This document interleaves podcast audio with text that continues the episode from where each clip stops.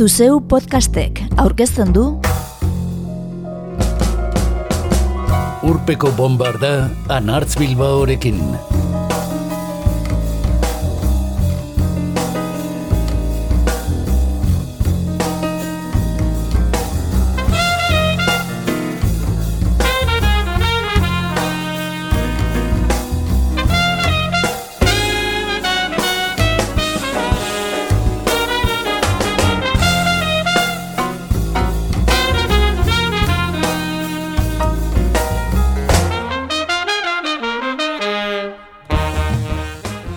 Hogeita bosturte bete dituen honetan, Radiohead taldearen OK Computer harri bitxia izango dugu mintzagai gaurko urpeko bombardan. Mondo sonoro aldizkarian Sergio Ariza kasetariak idatzi duen La largara influencia de Radiohead y su OK Computer erreportajea hartatz hartuta. Aipatutako maixulanetik baina, kantu bakarra baino ez dugu adituko. Eta Radiohead taldeaz gain, entzungo ditugu The Beatles, Wilco, R.E.M., Blur, Coldplay, Animal Collective, Vampire Weekend, Daft Punk eta Kendrick Lamar ere. Honegin.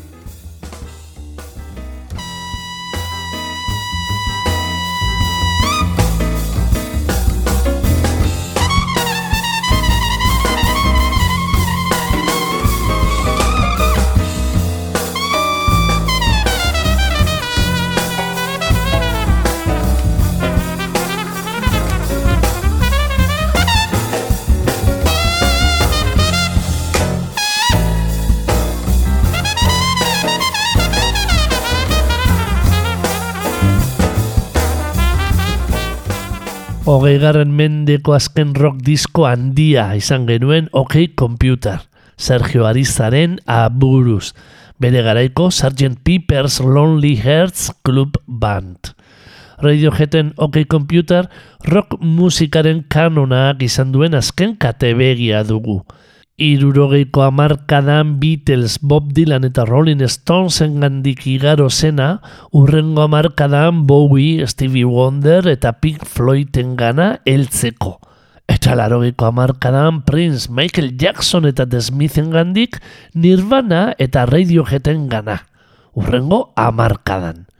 OK Computer The Beatlesen meixulanarekin alderatzea, beraz, ez da hauntzaren gauerdiko estula. Askoren aburuz historiako rock diskorik bikainena baita Sgt. Pepper's Lonely Hearts Club Band. Bertako Day in the Life kantuak irekiko du gaurko urpeko bombarda.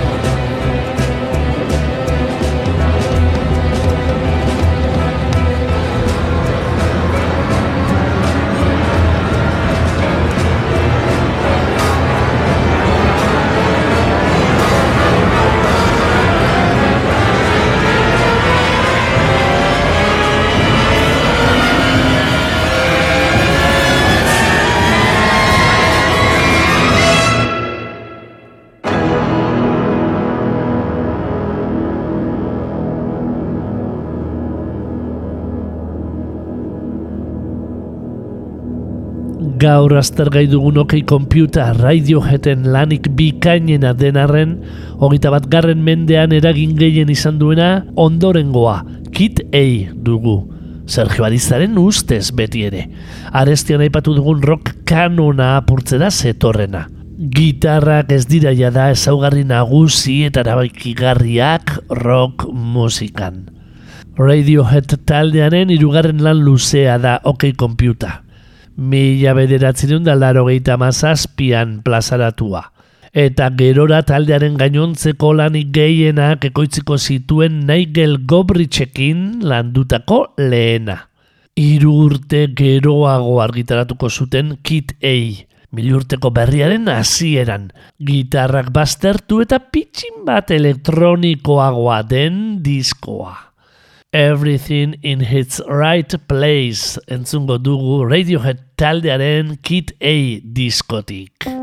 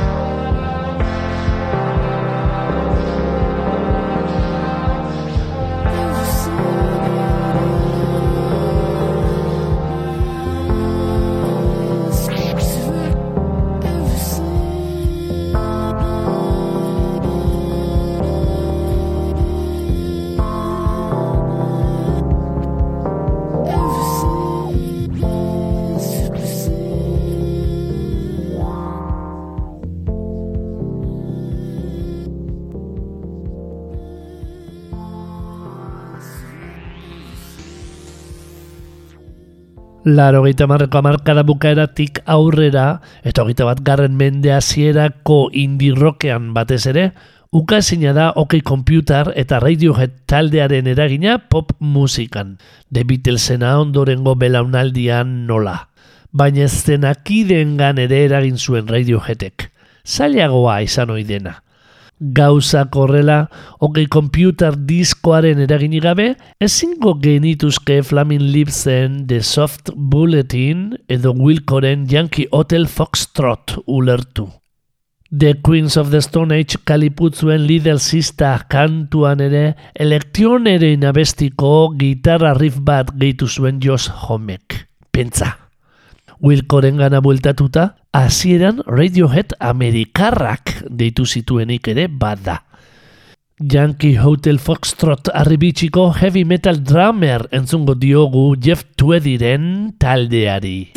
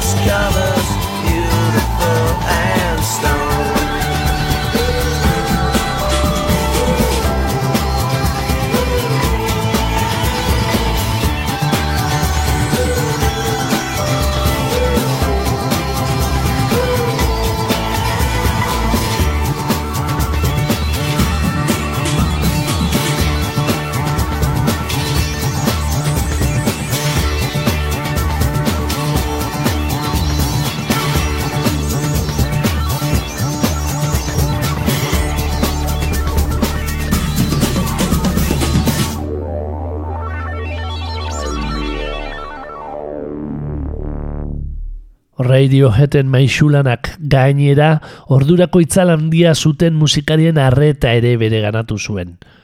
Mila bederatzen da laro gehieta mazazpian OK Computer diskoarekin sekulako ospea ardietzi zuen Nigel Godrichek berbarako Becken Mutations diskoan, Pavimenten Terror Twilight diskoan eta Paul McCartneyren Chaos and Creation in the Backyard diskoan lan egin zuen. Baita R.E.M. edo REM irukotaren app laneko kantu batzuk ekoitzi ere. Tom Yorkek, Radiohead taldeko kantariak, izugarri maitei du R.E.M. taldea. Peter Buck, Mike Mills eta Michael Stipek larogeiko amarkadan Georgian eratutako taldeak, Ameriketako estatu batuetan, mila bederatzen da larogeita mazortzian plazaratu zuen app. Eta bertatik entzungo dugu At My Most Beautiful.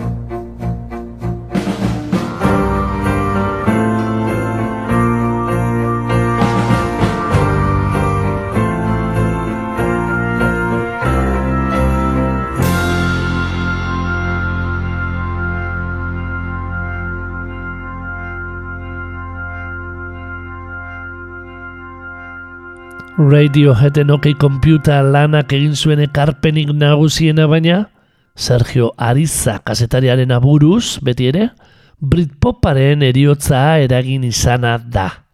Ordurako mugimendua ondo erreta egongo zen seguruenera. Baina 13 diskoak erakusten digu, oasisek ez bezala, Damon Albarnen taldeak bai, entzuten zuela Radiohead. Eta guk entzungo dugu Blur. Coffee and TV.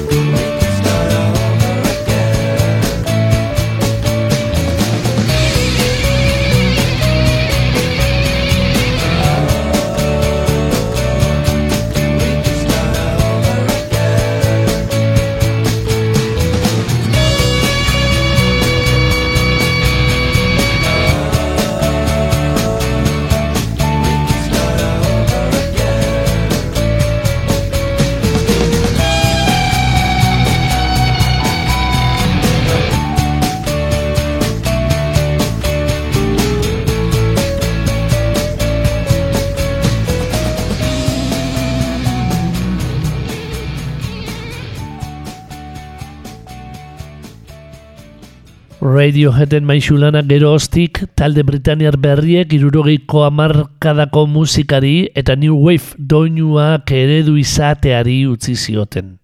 Belaunaldi berri bat zetorren. Coldplay, Travis, Doves, Grand Daddy, Kin edo Muse taldeekin. Eta OK Computer izpilu zuten guzti guztiek. Museen Plugin Baby edo Nights of Sidonia kinen Somewhere Only We Know edo Coldplayren Fix You entzutea baino ez dago esandakoa frogatzeko. Eta erabateko arrakasta horrexek eragin zuen, hain justu, Radiohead taldeak urrengo egitasmoetarako erabat norabidez aldatzea.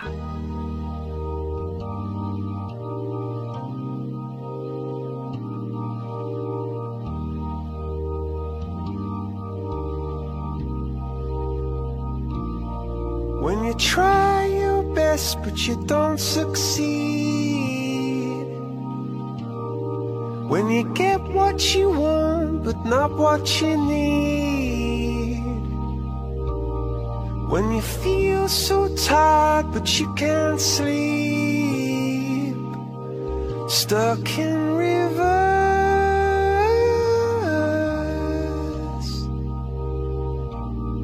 And the tears come streaming down your face. When you lose something you can't replace. When you love someone but it goes to waste. Could it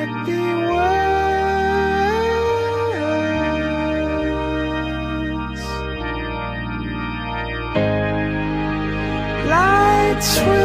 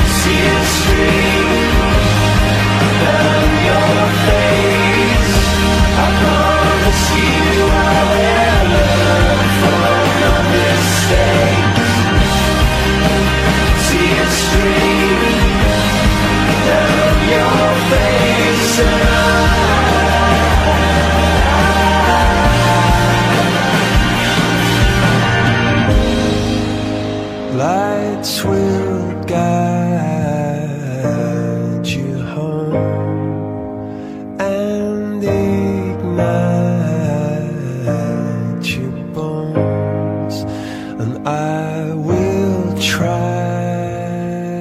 to fix you.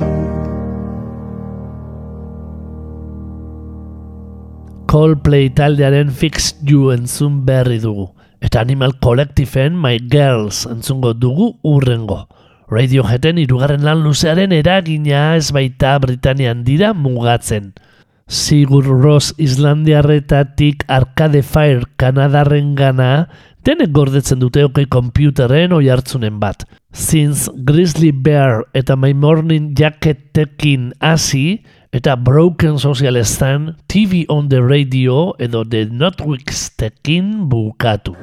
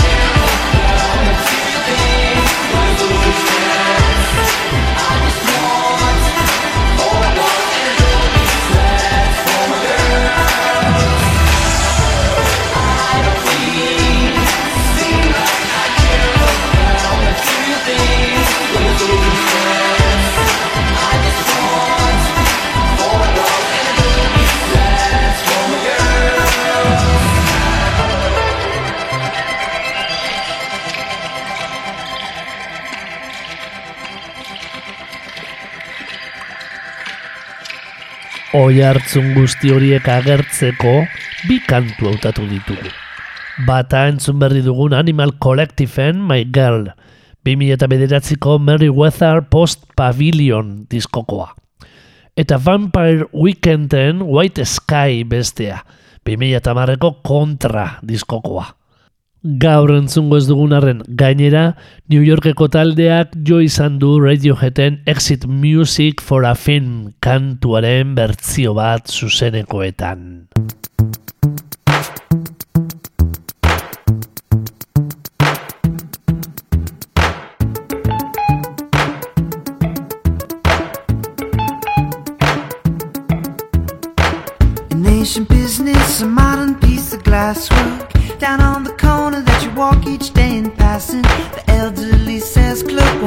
with suspicion. The whole of motor corporation's giving its permission.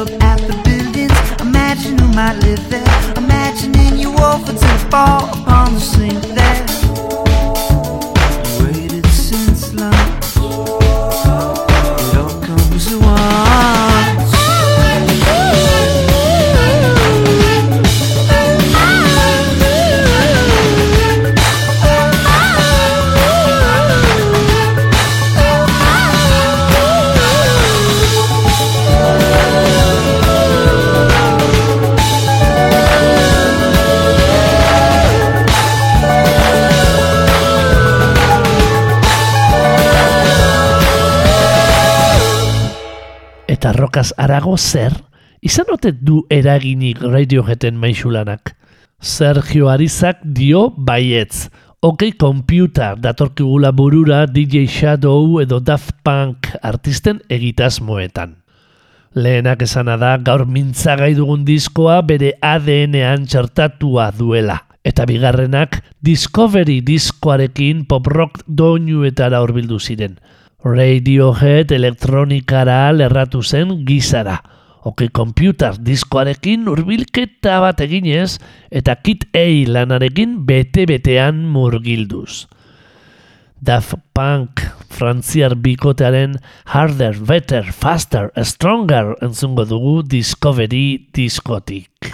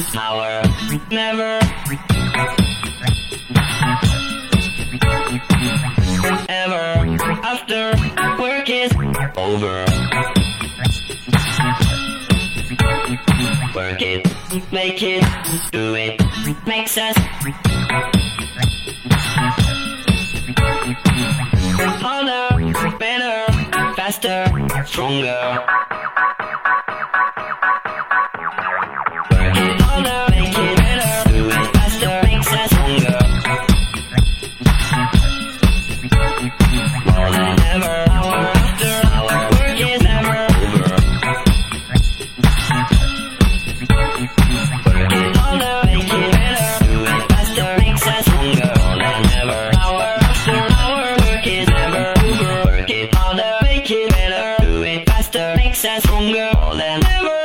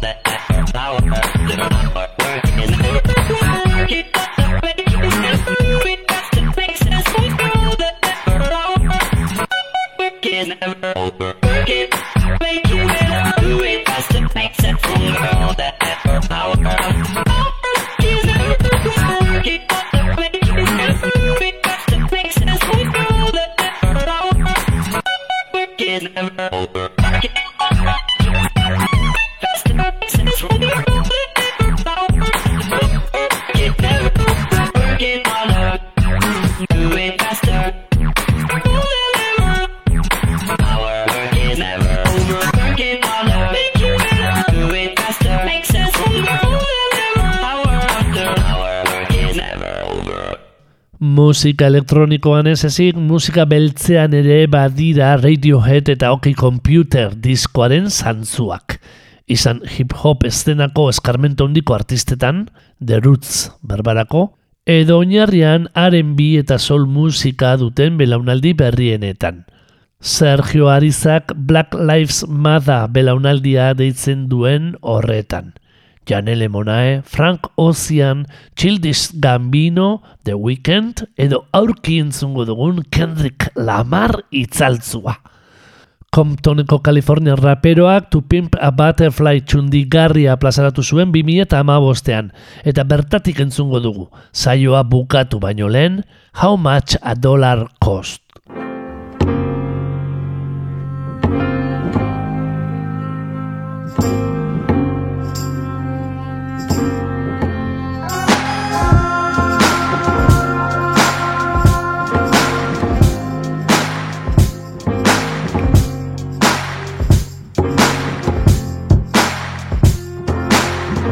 Much a dollar really costs. The question is detrimental, paralyzed in my thoughts. Parasites in my stomach keep me with a gut feeling, y'all. Gotta see how I'm chilling once I park this luxury car. Hopping out feeling big as Mutombo. 20 on pump 6, Tony Marcellus called me Dumbo. 20 years ago, can't forget. Now I can lend him an ear or two. How to stack these residuals tenfold. The liberal concept that men do. 20 on 6, he didn't hear me. Indigenous African only spoke Zulu. My American tongue was lyric. Walked out the gas station, a homeless man with a sandy tan complexion. Asked me for 10 rand, stressing about dry land. Deep water, powder blue skies that crack open. A piece of crack that he wanted. I knew he was smoking, he begged and pleaded. Asked me to feed him twice, I didn't believe it. Told him beat it. Contributed money just for his pipe, I couldn't see it. He said, My son, temptation is one thing that I've defeated. Listen to me, I want a single bill from you. Nothing less, nothing more. I told him I didn't have it, then closed my door. Tell me how much a dollar cost. more to feed your mind. Water, sun, and love. The one you love. All you need that ain't breathe. He's staring at me in disbelief. My temper is building. He's staring at me. I grab my key. Staring at me. I started the car, then I tried to leave. But something told me to keep it in park until I could see the reason why he was mad at a stranger. Like I was supposed to save him. Like I'm the reason he homeless and asking me for a favor. He's staring at me. His eyes follow me with no laser. He's staring at me. I noticed that his stare is contagious. Cause now I'm staring back at him, feeling some type of disrespect. If I could throw a bat at him, he'd be aiming at his neck. I never understood someone begging for goods, asking for handouts, taking it if they could. And this particular person just had it down back, staring at me for the longest until he finally asked, Have you ever opened up Exodus 14? A humble man is all that we ever need. Tell me how much a dollar cost.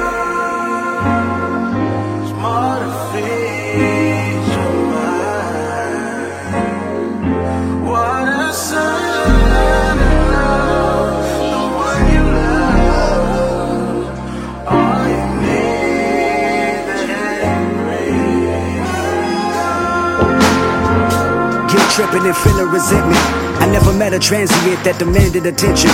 They got me frustrated, indecisive, and power tripping. Sour emotions got me looking at the universe different. I should distance myself, I should keep it relentless. My selfishness is what got me here. Who the fuck I'm kidding? So I'ma tell you like I told the last bum. Crumbs and pennies, I need all of mine. And I recognize this type of panhandling all the time. I got better judgment. I know when niggas hustling. Keep in mind, when I was struggling, I did compromise. Now I comprehend. I smell grandpa's soul medicine reeking from your skin. Moonshine and gin. Nigga, you're babbling. Your words ain't flattering. I'm imagining Denzel. Be looking at old Neil. Cause I'm in sad thrills. Your gimmick is mediocre. The jig is up. I seen you from a mile away, losing focus. And I'm insensitive. And I lack empathy. He looked at me and said, Your potential is bittersweet. I looked at him and said, Every nickel is mine to keep. He looked at me and said, Know the truth, it'll set you free. You're looking at the Messiah, the Son of Jehovah, the higher power, the choir that spoke the word, the Holy Spirit, the nerve of Nazareth. And I tell you just how much a dollar cost. The price of a spot in heaven. Embrace your loss. I am God. I wash my hands, I said my grace. What more do you want from me? Tears of a cloud, guess I'm not all what it's meant to be. Shades of gray will never change if I condone. Turn this page, help me change to right my wrong.